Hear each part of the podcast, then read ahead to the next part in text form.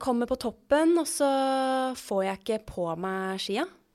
Altså, bindingene passer ikke til støvlene mine.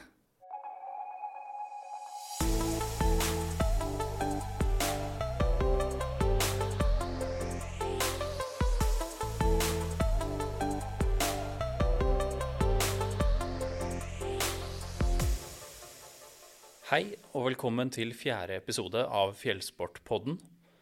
I denne episoden så skal vi snakke om topptur, eller randonee som mange kaller det. Det har jo blitt svært populært eh, de siste årene, og vi får mange spørsmål om både utstyr, destinasjoner og sikkerhet på tur. Så eh, vi har tenkt å gå gjennom det mest grunnleggende innafor topptur. Og for å hjelpe oss med dette så har vi med oss en veldig hyggelig kollega, nemlig Anders Kittelsen. Han jobber som innkjøper her i Fjellsport og jobber mye med sortimentet vårt innafor topptur. Og I tillegg til å være en dreven friluftsmann, så er han også triatlet og har bl.a. gjennomført Norseman triatlon. Velkommen hit til Fjellsportpodden, Anders. Tusen takk for det. Takk for det. Du kommer jo ikke så langt, eh, langt herfra. Du sitter jo på andre siden av kontorveggen her. Ja, det er ikke så langt å gå. Jeg orka det. det er veldig bra. Eh, Et lite klisjéspørsmål fra siden, bare for å komme litt i gang. Hvilket fjell er det du anser som ditt absolutt eh, favorittfjell, eller som står ditt hjerte nær? Eh, nei, det er jo et eh, artig, artig spørsmål som man kan uh, Det er flere ting man kan tenke på da. Men uh, første fjell jeg i forhold til randonee topptur som jeg var på, var jo Gaustatoppen. Så det er kanskje det som blinker seg litt ekstra ut for meg, da. Og Der har du vel også vært en annen gang, eh, kanskje, under Norseman triatlon? Jo det, det stemmer det. Har vært på toppen der. eh, Da var jeg veldig, veldig sliten.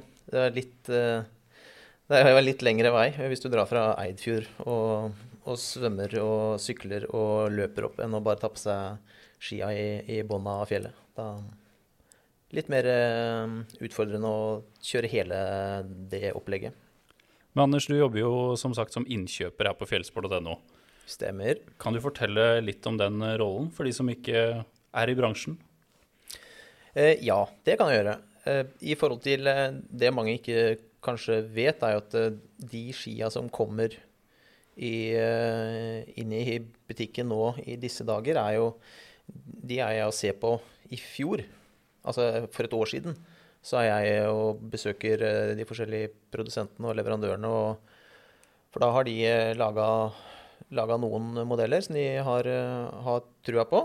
Og så sier man at da vil jeg kjøpe 100 av den, av den skien. Og så samler de opp alle, alle bestillingene fra alle butikkene rundt omkring i, i landet. Og så, og så tar det litt tid å produsere opp alt der sånn, så blir det på en måte levert året etterpå. Og så er det jo noen, noen vintre så er det masse snø, og man selger og kjøper eh, masse ski. Mens eh, noen andre vintre så er det litt mer snøfattig, og da går jo liksom salget litt, litt ned. Sånn at det er litt sånn Det kan variere litt fra år til år hvor, hvor mye varer man som fins ute i markedet, da. Så det er litt sånne eh, utfordringer som kanskje ikke alle der hjemme tenker på. Det er jo rett og slett litt eh, gjetting involvert. da. Får du hjelp av Snåsamannen f.eks.? Eh, ikke Snåsamannen, men jeg har en egen, eh, jeg har en, egen eh, en dame da, som jeg ringer til. Eh, som også sitter i Trondheim. Men eh, ja. Nei, nei, vi har litt andre Vi har noen andre hjelpemidler òg. kula. Spåkula, blant annet. Ja, veldig fin. Tarotkort. Det brukte vi før, men det har vi gått bort fra. Ja. Men jeg tenker at uh, vi må ta det litt uh, tilbake til start. Litt med hva er uh, randonee, eh, som også kalt topptur for ski. Eh, hva kjennetegner den kategorien egentlig, sammenlignet med telemark eh, og fjellski? Ja, bra, bra spørsmål. For i, i Norge så sier man eh, både topptur og randonee litt om hverandre. Det er ikke noe, eh, er ikke noe sånn fast, fast greie. Folk, folk sier litt, litt forskjellig. Men det, det, det randonee er jo egentlig det franske Det er en fornorskning av det franske ordet som da også er randonee. Mens på rent norsk så sier man da topptur. Det det dreier seg om, er at du går opp på en fjelltopp med, med ski på beina. Eh, og da går du med løs hæl, altså tær, tå framsida på, på støvelen sitter fast i, i skia, og så har du feller under skia. Så går du opp på toppen, og når du er på toppen, så tar du av fellene, eh, og så låser du hælen, sånn at det er som en vanlig alpin slalåmbinding, og så kjører du ned.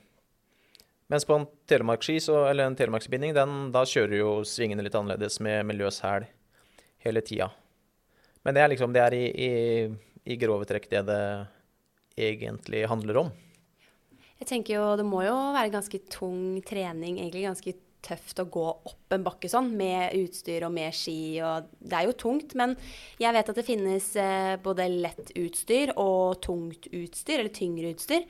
Hva, hva bør man velge hvis man er ny og skal kjøpe seg toppturutstyr? Velge, hva er en lett sko?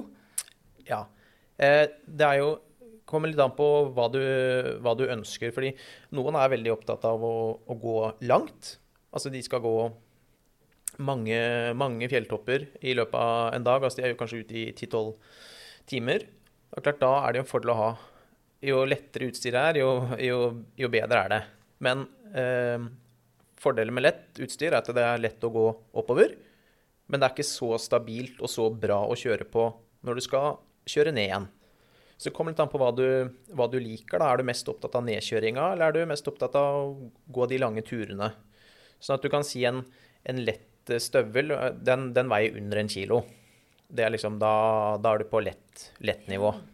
Mens en, eh, en, eh, en OK støvel er kanskje fra 1,5 kilo og opp til 2 kilo da, for en mer kjøreretta støvel, som man kaller det. Da er det mer fokus på, på nedover-egenskapene. Ja. Så rett og slett jo tyngre du har det oppover, jo bedre har du det nedover? Ja, det er en, eh, en grei grunnregel, kan du si. Og så handler det da om å finne, kall det Noen har jo eh, masse utstyr, altså de har et oppsett som er for de lange dagene, mens de har eh, et tyngre oppsett som er for de kortere dagene hvor de kanskje har sett seg ut én fjellside de vil kjøre. Hvor de liksom skal ha ordentlig bra, tungt, solid kjøreutstyr, da. For jeg husker du og jeg var i, på en sånn messe i Tyskland som het ISPO. Ja, stemmer. Ja, og da tror jeg vi så på en sånn binding som het eh, P40 49, ja. kan det stemme? Ja, stemmer det. Og den veide jo 49 gram. Ja, det, men det er Det er ytterkant, kanskje? Ja, det er for de veldig, veldig spesielt interesserte, og de som har ja, Da har du bra med penger på, på bok, da. Eller du hadde, helt til du kjøpte, begynte å kjøpe den. Og da er det kun én type støvel som passer til òg, da. Så da ja, det, er for, det, er for, de som konkurrerer på, på veldig høyt nivå, da. Mm. Så det, det, er ikke for, eh, det er ikke for hvermannsen. Det er det ikke. Dette med lett og tungt utstyr er det jo kanskje noen som kjenner seg litt igjen i hvis man har eh, vært mye i bakken også, altså i skianlegget. Eh, jeg tenker litt sånn hvor start, Hvorfor starta du med topptur? Du, har du vært mye ute på ski fra du var liten, eller har du blitt liksom påvirka av kollegaer og venner? Eh, Jeg begynte med topptur fordi jeg generelt er veldig glad i å være ute. Bare å være ute i naturen og, og ja, veldig enkelt. Jeg er bare glad i å være ute. Og så ble det til at man uh, måtte liksom utforske uh, Man begynte liksom å sove ute i telt når det var godt og varmt, og så begynte man å dra på tur når det kanskje var litt dårlig vær, og du utvider jo repertoaret gradvis. Uh, Men akkurat den første toppturen jeg var på, det var jo på en måte en helt katastrofe. Fordi vi Jeg hadde ikke toppturutstyr den første turen jeg var på eh, på, på Gaustatoppen. Og vi, jeg og to kamerater bestemte oss for at det her eh, Der skal vi bare prøve. Så da hadde vi Vi hadde vanlige eh, alpinstøvler. Eh, Ikke noe gåfunksjon som gjør at du kan eh, gå lett og ledig med utslag i, i ankelen. Det var ordentlig solide, tunge, teite støvler. Og så hadde vi hadde ikke noe bra kjøreski. Vi hadde twintip-ski alle sammen. Noen park, parkski. Så vi, vi bare si, nesten bandt fast disse skia på, på sekken. Og så buta vi oppover, da. Og så du bare sparker, du sparker deg inn i, i snøen oppover med, med støvlene på. Utrolig teit ting å gjøre, fordi det er, er jækla tungt, da. Så det er bra trening, men eh, utrolig tungvint. Og Gjorde bare det én gang, og så kjøpte man seg ordentlig toppturutstyr eh, etter det, da. Så liksom akkurat den eh, første turen, den var, eh, den var brutal, da. Vi svetta jo som noen gærninger oppover der, og det var blytungt. Men eh, så er det sånn samtidig, selv om det var veldig slitsomt, så sitter man igjen med noen sånne gode Det er deilig òg. Deilig å lære. Ja, og så er det deilig å jobbe litt og, jobbe litt og slite litt. Og så er det, det som er kult med Rantoneo, at du får, du får den belønninga når du kommer på toppen. da. At du bare sånn eh, Det var en lang, en lang tur, nå skal vi bare kose oss nedover. Ulempen er selvfølgelig hvis du er helt sprengt da, når du står på toppen, og du etter første svingen så er du Det bare hamrer i låra, og du er dritsliten. Så er du Så kan det jo bli litt slitsomt å kjøre ned nå, men ja, jeg har i hvert fall fått en god treningstur og vært ute og nytt i frisk luft og hatt det bra. Det er litt gøy, for jeg, jeg er litt sær og er veldig glad i gamle episoder av programmet Gutta på tur. Jeg vet ikke helt hva jeg syns om de der nye episodene, men eh, de gamle fra liksom 90-tallet og sånn, de er veldig bra. Og der husker jeg Jeg tror det er den episoden fra Chamonix hvor eh, det ser ut som at gutta på tur blir presentert for randonee-systemet eh, for første gang. De står i hvert fall inne i en sånn eh, slags skiutleie og blir eh, presentert med det her randonee-greiene, og eh, de ser litt skeptiske ut og sånn. Men uh, det jeg skal fram til, er hvor, uh, hvor lenge har det her vært uh, allmenneie i Norge?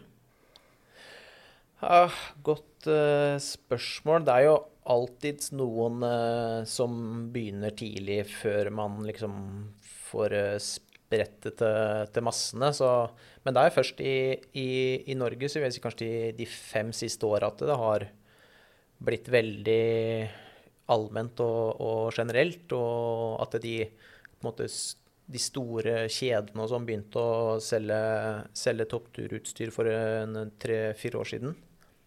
Så det er først de siste åra har det vært en, en, en veldig oppblomstring og veldig stor, en økende interesse, da.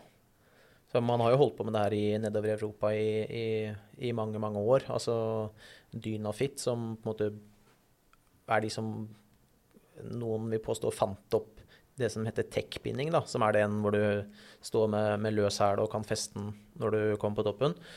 Uh, nå husker jeg ikke akkurat det årstallet i huet, men tidlig 80-tallet kanskje, som de lagde den første, første bindingen sin da.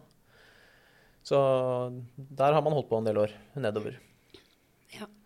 For det er vel også en egen konkurransegren, er det ikke det, nedover i Europa, som er veldig populær? Skimo? Nei. Jo, skimo. Men det er jo også, man, man sier også, kaller det også randonee. Okay. Men eh, det er går, går ut på det samme. Så da er det jo for, eh, flere forskjellige konkurransegrener. Men da er det, da er det gjerne man starter på, på bånn av et eller annet fjell. Og så er det staka ut en, slags løype, så skal du opp på et toppunkt. Og så er det førstemann opp, og så er det Du skal også være først eh, Du skal være førstemann tilbake igjen, da, der du starta. Så du må opp på toppunktet, så rundt en, kall det en pinne der, og så må du ned igjen. Så du må jo både være kjapp oppover, og så må du være sånn høvelig flink til å stå på ski nedover. Det her høres litt sånn trikotaktig sport ut. Ja, det er for gutta og jenta som er eh, litt, litt tynnere enn eh, mange andre, da. Det er en fordel å, å ikke ha for mye ribbe på, på lomma. Snakker vi Dynafit P49 der, eller? Ja, noen av de Det er der de, det utstyret kommer til sin rett, ja. Og de er eh, ekstremt eh, fokusert på vekt, de, de som er på det høye nivået. Men det er fordi når du går oppover, så er vekt Det er veldig viktig, da. Det er jo Det er ikke bare i, i randonee og skimo det gjelder, det gjelder jo i i egentlig alt. Driver med klatring òg, liksom, og skal gå lange, lange ruter, så vil du ikke ha med deg mer enn det du må. Et faktum her nå er jo at veldig mange er faktisk nybegynnere, tror jeg. Og vi bruker mye fremmedord allerede her, som Nå har vi fortalt innledningsvis hva randonee er, da. Men dynafittbinding, dynafit-binding, skredsekk eh, Hvor starter man om man har lyst til å komme seg ut på topptur, og du er helt fersk? Tenker du på eh, hvor man begynner eh, i forhold til hvor i landet, eller i forhold til i forhold til, utstyrsfronten? i forhold til utstyrsfronten, ja. Ja. Det som er greit, er du må ha, du må ha ski. Eh, uansett. Det, det må du ha. Og så må du ha eh, en eh, binding. Det fins Du kan eh, bruke det som heter en rammebinding, hvor du da eh, løfter hele bindingen. Altså du, du stepper, tråkker inn som en normal alpinbinding, men så kan du løsne undersida på, på bindingen, sånn at du løfter hele bindingen når du går. Eh, det, var det, man, det var sånn man begynte med det. Og så har det kommet en videreutvikling av dette som da heter tech-binding. Og det er jo det som jeg sa til Dynafit, det er et merke. De var de som lagde den første tech-bindinga. Og da fester du bare eh, fronten på, på støvelen inn i et sånt festesystem, og så er hæren løs. Og så kan du da feste hæren når du er på toppen av fjellet. Men det er som det, er det som da er en, en eh, tech-binding. Det må du ha. Og så du kan, hvis du har denne rammebindinga som jeg snakka om, eh, så kan du bruke en vanlig alpinstøvel. Men det som er med en vanlig alpinstøvel, er at den, den er ikke designa for at du skal gå med den. Den er kun designa for at du skal stå spent fast. Den skal egentlig være stivest mulig og låse låse leggen og foten i en litt framoverlent posisjon. Mens på en toppturstøvel, da, som du også må ha, er det at da kan du, du kan øh, løsne øh, støvelen sånn at skaftet eller det, som, er rundt leggen, da, for å ta det helt ned til, til, de som ikke vet hva dette er for noe, at leggen kan gå, den kan bevege seg masse framover og bakover, akkurat som når du går og gjør utslag i, i, i, ankelen din. Da. Og da kan, du, da kan du gå masse i oppoverbakke uten at du blir helt ødelagt i føttene. Det du ja. også må ha i tillegg til da ski, binding og støvel, er en fell. Eller to feller, da. Én under hver ski.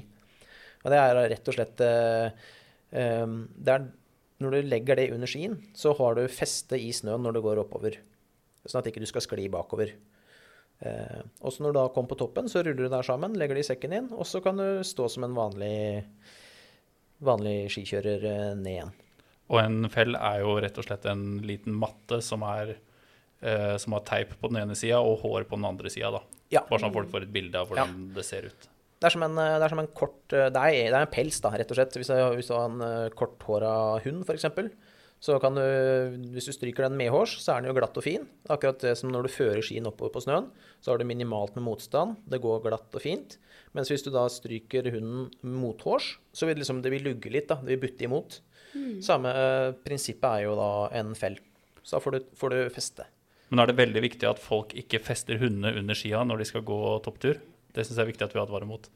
Ja, jeg vil ikke anbefale det. Folk ja. gjør jækla mye rart. Men uh, i hvert fall hvis vi skal komme med et godt tips, så er det i hvert fall å ikke bruke bikkja som fell. Ja, det var en liten ja, digresjon fra meg her, men uh, ja. Det er veldig bra, Sindre. Veldig Takk. bra fra sida. Men hvordan er egentlig toppturmiljøet? Men blei vi ferdig? Ja, jeg tror vi i hvert fall ble ferdig med sånn ski og den enkle eh, Hva slags utstyr som man eh, må ha for å komme seg ut og i gang, da. Ja, bør, eh, det er jo Jeg må skyte inn at du, du, bør ha en hjelm. Ja. Eh, og så må du ha eh, teleskop... Godt du må, poeng. Du må ikke ha teleskopstaver, men jeg anbefaler på det sterkeste å ha teleskopstaver. Det er, på en, måte, det er en vanlig, vanlig, stav, men du kan justere lengden på den. Mm. Og grunnen til at du vil ha en teleskopstav som du kan justere lengden på, er fordi du, du, går i så mye forskjellige helninger, da. Og, og i forskjellig terreng. At noen ganger så går du liksom med den ene staven jeg håper å si, helt uh, ned ved knærne dine, mens du har den andre høyt oppe langt foran deg fordi du går i såpass skrått, skrått terreng. da. Så teleskopstaver er også veldig gunstig å, å ha. Hvordan er eh, egentlig toppturmiljøet i Norge? Er det noen form for arrangementer man kan dra på i løpet av sesongen for å bli kjent eh, med litt folk eh, innafor det miljøet, da? Ja, det er det. Det er jo eh, Det er veldig mange som driver med topptur og randonee. Det, det, er jo bare flere og flere, og det blir, blir i alle typer aldre og, og, kjønn og samfunnsklasser, så har det Det er flere og flere som har fått opp øynene for det. Og, så det er ikke noe sånn ikke, Du kan ikke sette han eller henne i, i en, en, bås, liksom. Det er ikke sånn at det, kvinne 35 år, eh, økonomiutdannelse. Alle de er interessert i randonee. Det er det ikke. Det er eh, alt fra vanlige ingeniører til eh, platearbeidere. Men Og fjellsportansatte. og fjellsportansatte. Nei da, det, det, det, er masse forskjellige folk. Men det som er, det som er veldig fint, som etter hvert som at det har blitt ganske populært med, med sånne her turer, er at det, på veldig mange av disse fjellhyttene vi har rundt omkring i, i norske fjell, så blir det arrangert camper. Uh, og det er jo hvis du, hvis du, er ny, eller er nysgjerrig på liksom hva, hva er det egentlig, hva er randonee, eller hva, hva, er topptur, hva er det, hvem kan lære meg det? Mange, mange har hørt om det, liksom, men kjenner ingen som holder på med det. Og det er jo Du kan dra ut og prøve litt på, på egen hånd bak i, i hagen hvis du har en liten skråning, men men for de fleste så er det fint å dra ut med, med folk som har vært på tur før, og det er mye tryggere òg. Og da er det, det er masse camper som blir arrangert på vinterstid. På, det er bare å legge inn et enkelt Google-søk, liksom 'toppturcamp', så får du opp masse treff. Og det blir arrangert på de um, fleste hyttene der hvor det er noe særlig fjell å snakke om, da. Og da er det sikkert uh, forskjellige turer etter nivå? Absolutt. Det er masse, masse nybegynnercamps, og så er det blitt uh, veldig populært med reine jentecamper. Som er uh, Det er litt sånn Det er helt unødvendig, men det er en del jenter som syns liksom at dette her kanskje er litt, litt skummelt, da. Og ikke har lyst til å liksom være med uh, Bjørnar og Kjetil på, fordi de er så innmari tøffe. At de skal bare gå de skal gå titimersturer hver dag, og det er gnagsår og svetting, og vi skal ikke spise mer enn en Snickers. Så er det rett og slett kommet mange jentecamper som er eh, anbefaler på det sterkeste. De er kjempepopulære, det meste som blir arrangert rundt omkring. Så kult. Har du drevet noe med topptur eller randonee, Silje? Jeg eh, var jo litt sånn som Anders, eh, kanskje. Litt sånn redd for å eh, prøve og visste ikke helt hvor jeg skulle begynne i det hele tatt. Hadde ikke tenkt tanken engang før jeg begynte å jobbe på fjellsport, eh, faktisk. Bare stått i bakke og sånn. Og så ble invitert med på en tur eh, med gjengen her, da. Eh, hvor vi skulle gå på topptur den ene dagen. Eh, og jeg var veldig glad for det, fordi jeg lærte masse. Og da hadde jeg jo flinke kollegaer som gikk i bresjen og viste meg akkurat hvordan jeg skulle gjøre ting. Så det var jo, det var jo en spennende opplevelse, for å si det sånn. Hva, ja, hva syns du? Det var gøy. Ehm, jeg var jo litt uheldig også, da. Jeg må bare nevne en liten historie jeg har fra sida her. Jeg fikk låne både støvler og ski og alt av utstyr, egentlig, fra en som jobber her. Og regna med at de hadde full course. Jeg sjekka ikke utstyret sjø, nei, selv før jeg eh, kom dit, da. Eh, og jeg sjekka faktisk ikke utstyret før jeg kom på toppen. Så, fordi alt funka som normalt når jeg gikk opp, og det er det som er litt merkelig her. Jeg går oppover, spenner på meg skia før jeg begynner å gå, da. Eh, får på meg sender og liksom alt det her. Og eh, kommer på toppen, og så får jeg ikke på meg skia. Altså bindingene passer ikke til støvlene mine. Du får ikke festa hælen? Jeg får ikke liksom? festa hælen. Eh, men oppi sekken da, så ligger det med Så hadde denne kollegaen min lagt med en skrutrekker. Eh, men eh, når han andre, eller han som går i bresjen der oppe, skal hjelpe meg å skru den bindingen til støvelen, da, sånn at den passer, så går det ikke an å skyve den lenger inn til skoen. Den, den går ikke lenger inn, liksom. Oi. Så han som eh, leda denne turen, da, han var jo nesten to meter høy og hadde like breie ski og like lange ski. Eh, så vi fikk justert bindingene hans da, til min støvel. Så det som skjer, er at jeg eh, kjører da ned på disse sinnssykt svære skiene hans. Mens han får de miniskiene mine, for han fikk dratt ut bindingene på de skiene jeg hadde, da. Helt ut. Og jeg tryner nedover der og holder det gående med de svære skia og tar de største svingene. Og fikk beskjed om at eh, i de og de terrengene så er det fint hvis du kommer deg litt kjapt gjennom. Eh, som egentlig jeg syns var ganske ekkelt. Eh, og da, da detter jo selvfølgelig jeg der. Og får helt panikk og bare må komme meg opp og komme meg ned. Men sånn holdt jeg på ned hele bakken. Så det var en litt spesiell opplevelse, men samtidig så Jeg fikk en følelse, og jeg syns ikke det var så tungt å gå opp. Og det gikk fint å gå opp. Og vi hadde bare bra vær, og det var helt vindstille for oss. Så opplevelsen utenom det var veldig bra. Altså det ga mersmak? Det gjorde faktisk det. Og jeg har vært på en tur til. Eh, ikke så bratt, men eh, med venninner og hvor de hadde gått mye før, da. Ja, men da, da lærte du liksom det at det er veldig greit å ta en liten sjekk på utstyret før du begynner å legge ut på tur. Det er noe med det, og det må man jo alltid gjøre. Det er en veldig grei regel å ha, altså. Så ja, et lite lærepenge til meg der. Men hvordan er det med de som vil ha med seg barna sine på topptur? Ja, det er, eh, det er fullt mulig. Eh, Du bør jo Du må jo Alle barn er forskjellige, eh, men foreldre kjenner jo barna sine sånn litt etter hvert, i hvert fall. Håper det. Men så det, det er jo Til de aller minste så, så fins det ikke noe, noe bra utstyr. Der når de begynner å bli litt større, så er det så, så fins det noe, noe utstyr, men det en del gjør, eh, hvis du er eh, litt sprek eh, mamma eller pappa, eller onkel eller tante, så kan man eh, bruke langrennsutstyr. At du setter eh, spenne på unga langrennsutstyr. Eh, og så kan du bruke tynne feller under langrennsskia. Så går barna opp med dette her, mens du da fester Du kan bruke vanlige alpinski og støvler Må du ha det i sekken. Det er derfor du må være litt, eh, litt sprek, for det blir litt eh, tyngre. Og så må du selvfølgelig i tillegg ha litt eh, belønning til ungene. Kjeks eller noe snacks eller et eller annet. Det er jæskla viktig. Det er ikke alle som bare syns det er kult å ha utsikten. De må ha liksom noe, noe sukker eller et eller annet som driver dem litt. Og så kommer du da opp eh, på den toppen eller den bakken eller hva du, hva du går, og så bytter dere, bytter dere spenne på ungene det si, vanlige alpinutstyret de bruker i, i bakken, og så tar du langrennsskia og støvlene i sekken igjen. Så kan man eh, kjøre ned. Det var jo kjempesmart, da. Veldig lurt. Herlighet. Ja, nei, det, er, så det, er, det er jo masse, det er jo masse muligheter. Så, men hvis, hvis du vil liksom at barna skal ha egne, sånne, eget randonee- eller toppturutstyr, så må du nok vente når det er vel en 8-9-årsalderen, så fins det litt småtteri som du kan kjøpe. Ja. Mm. Eh, er det noen steder i nærheten av storbyene som man kan dra på topptur? Hvor man enten kan dra rett utenfor døren, eller hvor man liksom ikke trenger å kjøre sånn altfor langt, da?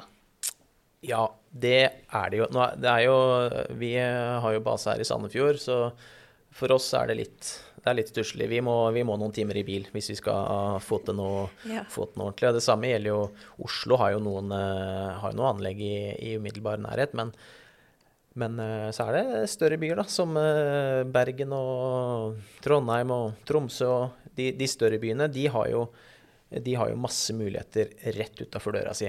Men det er sånn vi som er en stor mengde, bor jo på Østlandet, og er litt, her er det litt annerledes. Vi som er østlandsbasert, er eh, typisk er liksom Gaustablikk. Veldig mange som begynner, begynner der sånn. Og så har du sånne andre senter som Norefjell. Er det ganske overkommelig av kjøreavstand for masse Oslo- Oslo-folk. og det er jo Eh, kanskje mange ikke tror at Norefjell har noen muligheter, men det er masse Det er fjell der òg, liksom. Må, det må ikke være fjell over 2000 meter, eller det må ikke være 50 graders helning, eller altså kjempebratt. Det holder liksom i at det er en at det er en skråning, da, på måte, og helst litt snø. Det er fordel, det. Ja, det eh, hjelper på, si. Ja. Tror du mange starter for ambisiøst? Altså at turene er for ambisiøse? Jeg tror i hvert fall at eh, mange i, kanskje gruer seg unødvendig mye og tror at de må legge lista veldig mye høyere enn det som, enn det som trengs. Da. Jeg tror folk blir flinkere og flinkere til å benytte seg av kanskje av de første henga i, i alpinanlegg. Nå er det ikke alle, eh, alle alpinanlegg som ønsker at du skal gå oppover i, i alpinanlegget. Det er fordi det er farlig, for det kommer folk ned i, i stor fart, så det kan liksom oppstå uheldige situasjoner. Mens uh, i Oslo så er det et par senter som har laga en trasé på sida av bakken, som du kan gå, gå opp med feller, som er liksom uh, sperra av i forhold til nedfart. sånn at der er det kun folk som går oppover. Og så kan du kjøre ned på i anlegget som, som vanlig, da. Så, men eh, de som bor i mer fjellområder, har jo et helt annet forhold. Dem kan jo Bor du i, i Romsdalen, så er det jo bare å ta på seg skia. Så øh, begynne å gå i hagen, liksom. Så det, det blir en helt annen verden enn det vi her på Østlandet er, øh, er vant til. De, de, har bosatt seg riktig, og vi har bosatt oss helt feil. Du nevnte jo det tidligere at eh, mange kanskje gruer seg litt for det her med topptur. Og alle er jo redde for snøskred. Um, kanskje vi skal ta en liten eh, runde på det? Sikkerhet for nybegynneren? Absolutt. Det er, det er jo Det er ikke at man skal være redd for å dra på topptur, men du skal være bevisst da, at det er en, det er en, det er en risiko her. Eh, du er ute i naturen, og det er eh, store krefter i, krefter i sving. Og det er, det er uforutsigbart mye, da, fordi ja, det, kommer, det, er mange faktorer som påvirker deg med, med snøskred og, og, den biten. Så du, du, skal, du skal gjøre hjemmeleksa di litt før du legger ut på tur. Og det, er viktig at vi sier, fordi det er Du skal ikke ta for lett på det. fordi du kan Én ting er at du kan utsette deg sjøl for fare, men du kan også utsette andre for fare uten at du egentlig er eh, klar over det. Uh, men det er, ikke, det, er, det er ikke, noe, det er ikke dermed sagt at du skal holde deg hjemme, men skal det er viktig for meg å nevne at det, sikkerhet er kjempeviktig. Du, hvis du drar ut på tur, så skal du komme tilbake igjen og like hel. Det er ikke noe, det er ikke noe å diskutere. Og så er det I forhold til skred så er det en slags sånn, kall det en gyllen regel, at uh, hvis det er slakkere enn 30 grader, altså at bakken, hellingsgraden på bakken er lavere eller slakkere enn 30 grader, så er det som, liksom, en måte, det er ikke definert som skredfarlig terreng. Der skal det mye til for at uh, snøen løsner, da. Men er det brattere enn 30 grader, da skal du For det første skal du være erfaren. Du skal ha vært ute før, og så skal du kunne tyde en del signaler. Det handler om, om temperatur, vind, solpåvirkning og uh, hvor mange folk har vært der tidligere. Du skal liksom ha fulgt helst med på, på værmeldinga siste uka, kanskje. Eh, lenger enn det òg. Og det fins en del hjelpemidler. Det fins noen apper, bl.a. Uh, Varsom som, hvor folk legger inn forskjellige observasjoner eh, som er gratis å, å benytte seg av. Og så finnes det en del sider på, på internett hvor du kan søke opp litt sånn, sånn skredvarsel, da, som er eh, veldig greit å, å, å kikke, kikke, på.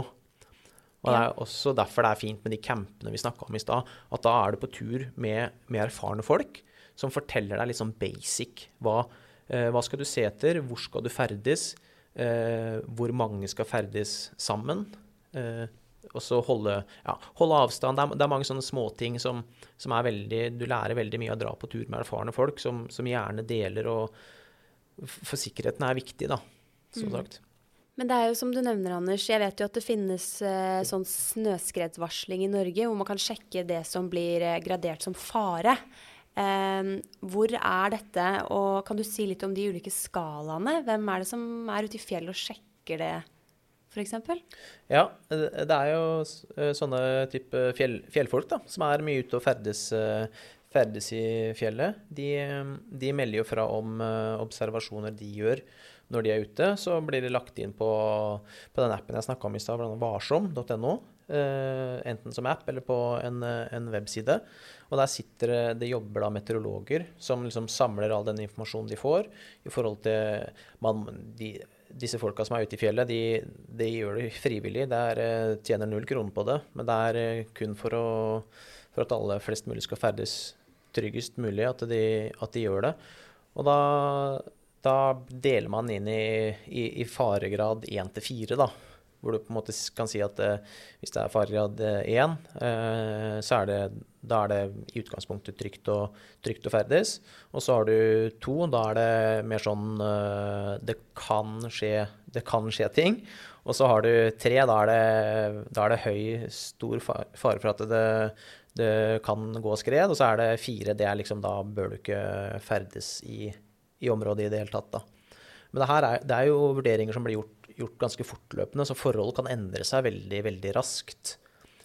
Ja. Eh, så igjen litt den der gode gamle snakk med kjentfolk, den, eh, den skal du ikke undervurdere.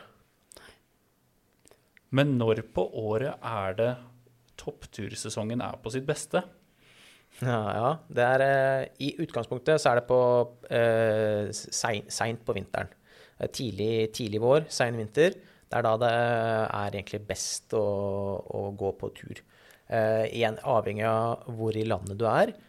Uh, det er noen som har stått på ski allerede. Uh, på de høyeste fjella så ligger det, ligger det, litt snø. På Vestlandet er det noen topper som har vært besøkt.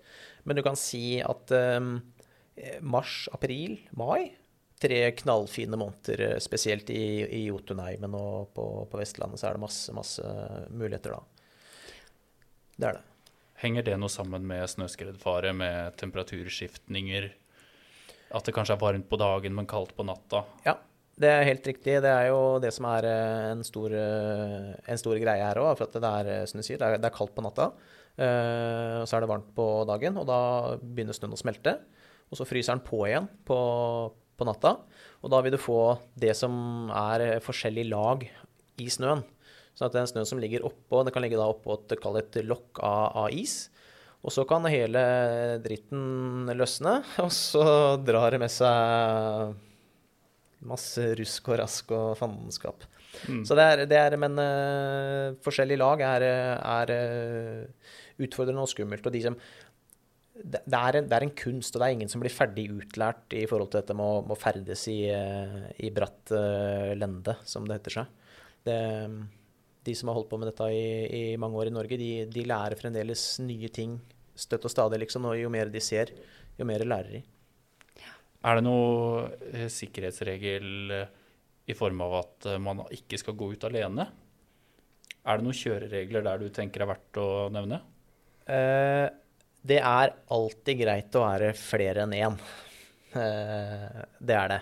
Litt, litt sånn fordi eh, selv om du skal stå slakt i det du definerer som ikke farlig terreng, så kan det skje. Altså du kan snuble altså Du kan bare falle, da. Og så kan du Det bør ikke være så veldig alvorlig, på en måte. Altså, men hvis du, hvis du, ryker et leddbånd eller eh, knekker et eller annet bein, da, og så er du to timer unna nærmeste uh, hjelpesentral, liksom, og så er du, er du aleine, kanskje ikke det er så bra mobildekning, er det veldig greit å ha en uh, makker i, i, i området også.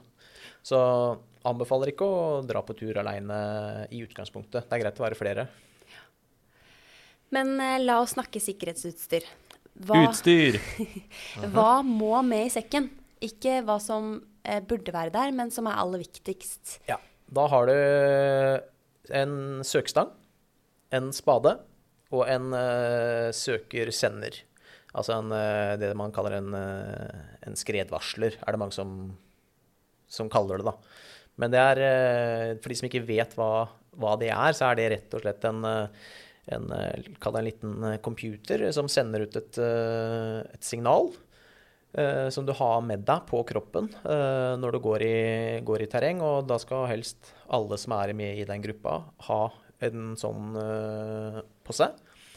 Og hvis man da er så uheldig å bli begravd, under snøen. Det er derfor man har det. Så tar de andre i gruppa og switcher om på sin søker, sånn at det da begynner den å leite etter det signalet som den søkeren som ligger begravd, sender ut. Og så må man da håper jeg, finne, finne fram til når det står uh, rett over der hvor da denne personen er begravd. Da bruker vi denne her søkestanga, som er en sånn 2,5-3 meter lang pinne, som du bare bretter sammen når ikke du bruker den som du kan slå ut som en svær, lang tommestokk, som du bruker å stikke ned i, i snøen. Det du da kjenner at eh, Ja, det bruker et fast bevegelsesmønster. Det lærer du også hvis du går på skredkurs. Og da finner ut av hvor vedkommende ligger, og da er det fra med spaden og grave til du finner vedkommende. Eh, og da går tida fort. Men det er, eh, det er det du må ha i sekken. Det, du skal ikke dra på topptur uten det. Det er veldig det er veldig ja. greit. For det øker jo altså, sjansen for å overleve med mange, mange prosent? Ja, absolutt. Det har ikke akkurat noe prosentantall uh, her, men, uh, men det er uh, mm. Det skal du ha med deg. Det er liksom udiskutabelt. Og det ser jeg at man får kjøpt også i pakker.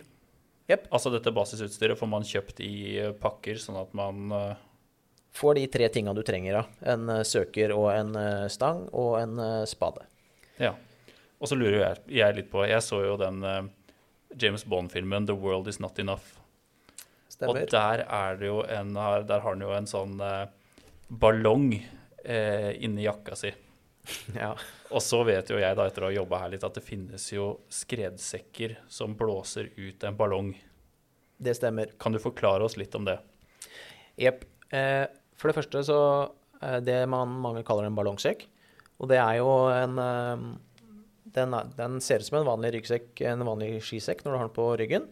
Og så har den et lite håndtak gjerne eh, på, over skulderstroppen, hvor du, som du kan eh, nappe i. Og da har du inni sekken så er det en, eh, en gasspatron med komprimert luft, som da eh, blåser opp en svær ballong. Og eh, grunnen til det er at det da blir eh, Du blir mye større. Sånn at det, det ønsket er at du da skal flyte på på oppsida av skredet. da, At ikke du skal bli dratt med ned og bli begravd langt under snøen. Det er tanken eh, og funksjonen, da. Og så fins det uh, Fins det skeptikere der ute som mener at det bare er, det bare er tull. Men eh, det kan i hvert fall ikke ta, ta skade av å ha den med, da. Det er helt sikkert. Er det også litt sånn morsom greie innad i toppturmiljøet når man går inn på går inn på ei hytte eller går inn på afterskin, at man napper i hverandres uh, ballongsekk? Er det en sånn morsom greie? uh, ja, i starten så kan det, kan det være det. Jeg har gjort det en gang, det skal sies, det. Men uh, jeg, har lagt det litt, litt bak meg. Men jeg har blitt så gammel og kjip. Den er sikkert ikke sånn superrimelig, den der patronen inni der, eller? Nei, du får, du får, fylt de opp igjen med gass på, på en del ja. Eh, butikker, så det er, noe, det er ikke noe, krise. Men uh, Nei, det er, det, er, det er, mye annet som er gøyere, da. Ja. jeg sliter litt med å komme på noe annet som er gøyere nå, men uh, greit. Ja, vi kan ta, vi kan ta det en, Jeg skal fortelle deg noe etter at vi er ferdig på lufta. Ja. Men, nå blir ikke særlig nysgjerrig, de lytterne, da. Nei, det er litt dumt å tise sånn. Ja, det får de bare leve med. Men nå har vi jo snakka veldig mye om det som absolutt må uh, være med i sekken. Mm. Uh, kanskje vi kan snakke litt mer om ting som faller i kategorien kjekt å ha med? Absolutt. Det skal jeg si et par ord om. Det er jo eh, Du bør jo ha en sekk. Det har vi jo også kanskje ikke sagt, men for å ha med deg denne spaden og, og søkstanga, så er det greit å ha en sekk. Og det er også oppi den du legger eventuelt fellene når du kommer på toppen, da. Så er det hjelm bør være med. Uh, og så bør du ha med deg eh, enten skibriller eller litt store solbriller. Det er ikke alltid jeg har med meg goggles, men noen ganger har jeg med litt store, store solbriller da, som gjør måte, litt samme, samme, funksjon. Og så er det et sånt tips. Altså, du kan ha ekstra hansker i sekken. Veldig kjekt å ha, fordi ofte blir man litt kanskje varm og svett på vei opp. Så er det digg å ha noe noe tørt å ta på på toppen. Sammen med en, eh, en ulltrøye, en tynn dunjakke. Eh, aldri feil. Og så er det jo eh, farkeren. Du må jo ha noe digg eh, på toppen. Så enten, eh, ja, hvis du vil, kan du ha en toppdram. Det er jo for de som syns det er ålreit, uh, hvis ikke du skal kjøre så mye bil seinere på dagen.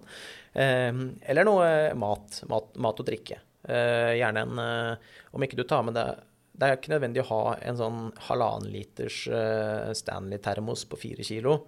Men uh, hvis du har en, sånn, en liten termos med noe, noe, varmt, om det er solbærtoddy eller kaffe eller uh, tevann, så er det, godt å ha noe varmt å drikke, da.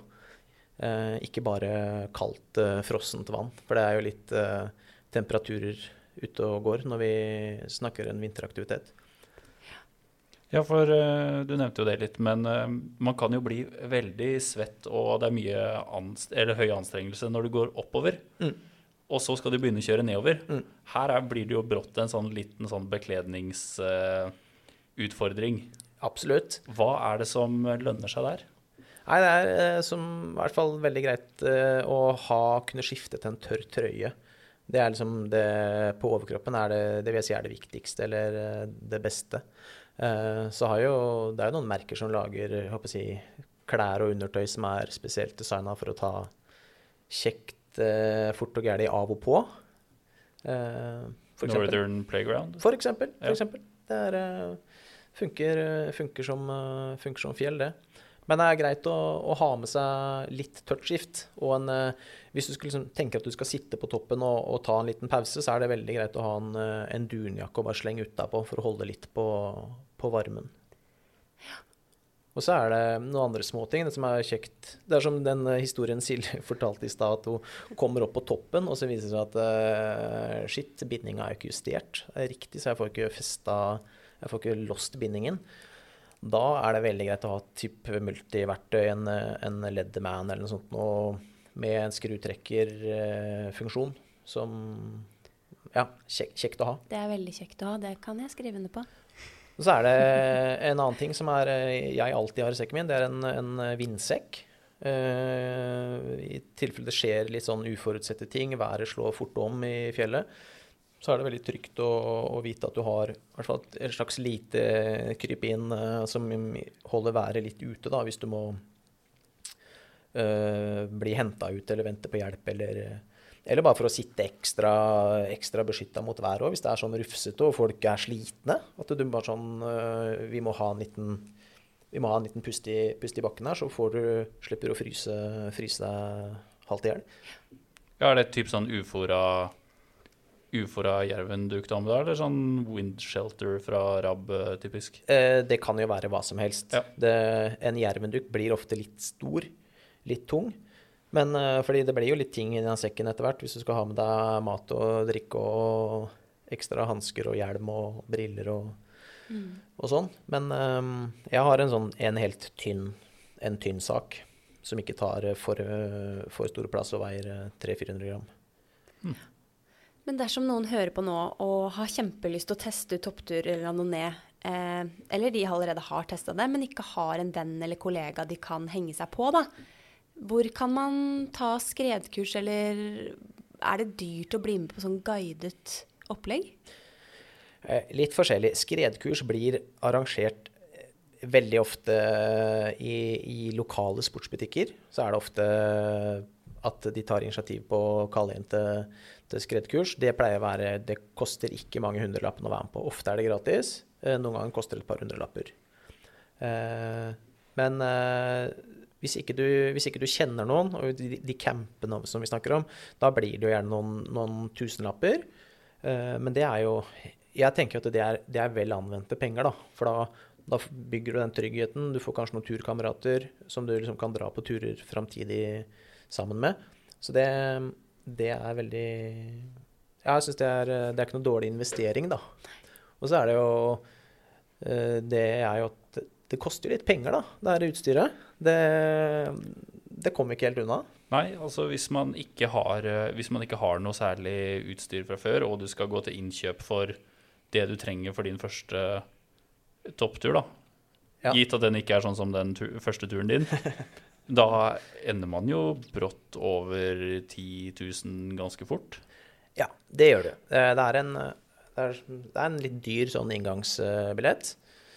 Eh, men på den andre siden, så hvis du liker det, så tror jeg du, du kommer til å bruke mer enn det på, på sikt.